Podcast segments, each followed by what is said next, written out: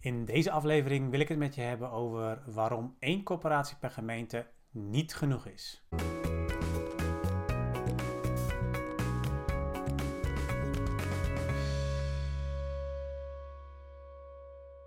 Ja, in de discussie over fusies van corporaties hoor ik regelmatig het argument voorbij komen dat er meerdere corporaties zijn in één gemeente. En dat het dan dus interessant is om ja, binnen die ene gemeente één coöperatie te vormen, zodat je één, één aanspreekpunt hebt naar de gemeente, et cetera, et cetera. Nou ja, met het fuseren van gemeenten uh, komt die discussie natuurlijk ook bij de coöperatie op. Hè? Dus uh, nou ja, je wilt één aanspreekpunt zijn, je wilt ook voldoende tegenwicht bieden aan de professionaliteit en ook het schaalniveau van de gemeente. Maar toch denk ik dat er een aantal voordelen zijn om toch meerdere coöperaties in één gemeente te hebben. Het eerste punt is eigenlijk dat die coöperaties elkaar ook goed kunnen aanvullen. En van oudsher zijn die coöperaties misschien ook uit een andere zuil ontstaan, vanuit een ander uh, beginpunt. En dat zie je vaak nog steeds terug in bijvoorbeeld de organisatiecultuur, uh, maar ook in de manier waarop corporaties naar hun opgaven kijken.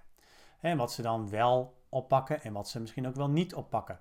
Er zijn uh, gemeenten waarin de ene coöperatie juist heel erg actief is in het sociale domein, andere coöperatie vanuit een andere beleidsafweging juist niet. Nou, daar vullen die coöperaties elkaar natuurlijk ontzettend goed aan. En dus dat is ook voor zo'n gemeente juist goed dat ze weten van oké, het ene punt kan ik beter zaken doen met de ene coöperatie, het andere punt kan ik beter doen met de andere coöperatie samen doen. Tweede voordeel is dat je per coöperatie natuurlijk dan ook veel meer focus en veel meer aandacht hebt voor dat ene punt waar jij nou juist gespecialiseerd in bent. Want anders dan zul je toch als die ene coöperatie in één gemeente eigenlijk alles moeten doen. Terwijl als je meerdere coöperaties hebt, kun je je specialiseren. Bijvoorbeeld op een doelgroep, bijvoorbeeld op de DA, bijvoorbeeld op een specifiek thema. En kun je dat veel meer uh, samen doen en kun je dus ook taken verdelen.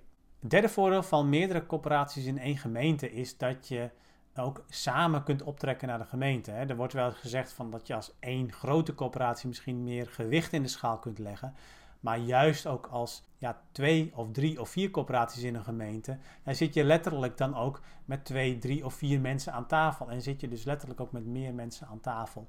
En kun je dus ook um, ja, door op verschillende manieren die gemeente te benaderen, kun je dus ook meer voor elkaar krijgen dan wanneer je maar in je eentje bent. Andersom natuurlijk voor de gemeente ook een voordeel dat als één coöperatie halstarrig is in het uh, niet willen uitvoeren van een onderdeel van de woonvisie, um, ja, is er misschien ook een andere coöperatie die dat wil oppakken. Dus niet alleen voor de coöperaties zelf, maar juist ook voor de gemeente is dat natuurlijk ook weer een voordeel. En een laatste voordeel van uh, meerdere coöperaties in één gemeente gaat ook over risicospreiding.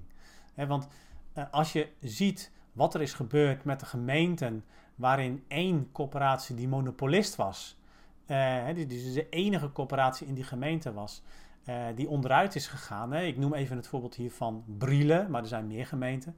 Brielle was Vestia de enige corporatie. En dat is toch wel een probleem op het moment dat zo'n corporatie op een gegeven moment in problemen komt en dan niet meer de aandacht kan geven aan de volkshuisvesting in die gemeente. En er eigenlijk ook niet echt direct een corporatie is die dat direct kan overnemen omdat ze al in dat gebied werken. Nou, zo zijn er dus een aantal voordelen uh, van meerdere corporaties in één gemeente. Dus als je weer het argument hoort om te fuseren, omdat er meerdere corporaties zijn die in één gemeente ongeveer hetzelfde doen, um, ja, denk dan eerst nog even na en kijk of dat een gelegenheidsargument is en of niet een van deze voordelen juist ook dat argument kunnen weerleggen. Ik zeg niet dat ik er tegen ben als je gaat fuseren in zo'n situatie, maar denk daar in ieder geval goed over na en uh, ga echt de diepte in in die discussie. Want uh, ik heb het ook al eerder in een andere video uitgelegd uh, of uitge, uitgewerkt, hè, wat mijn visie daarop is.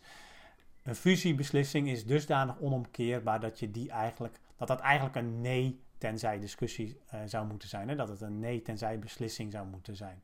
Je moet het alleen maar doen als je echt heel erg zeker weet dat het voordelen gaat opleveren. Bedankt voor het luisteren naar deze podcast. Wil je nieuwe afleveringen ontvangen? Abonneer je dan op deze podcast. En kijk ook eens op onze website corporatiestratege.nl voor meer praktische tips en downloads die jouw werk als coöperatiestratege makkelijker maken.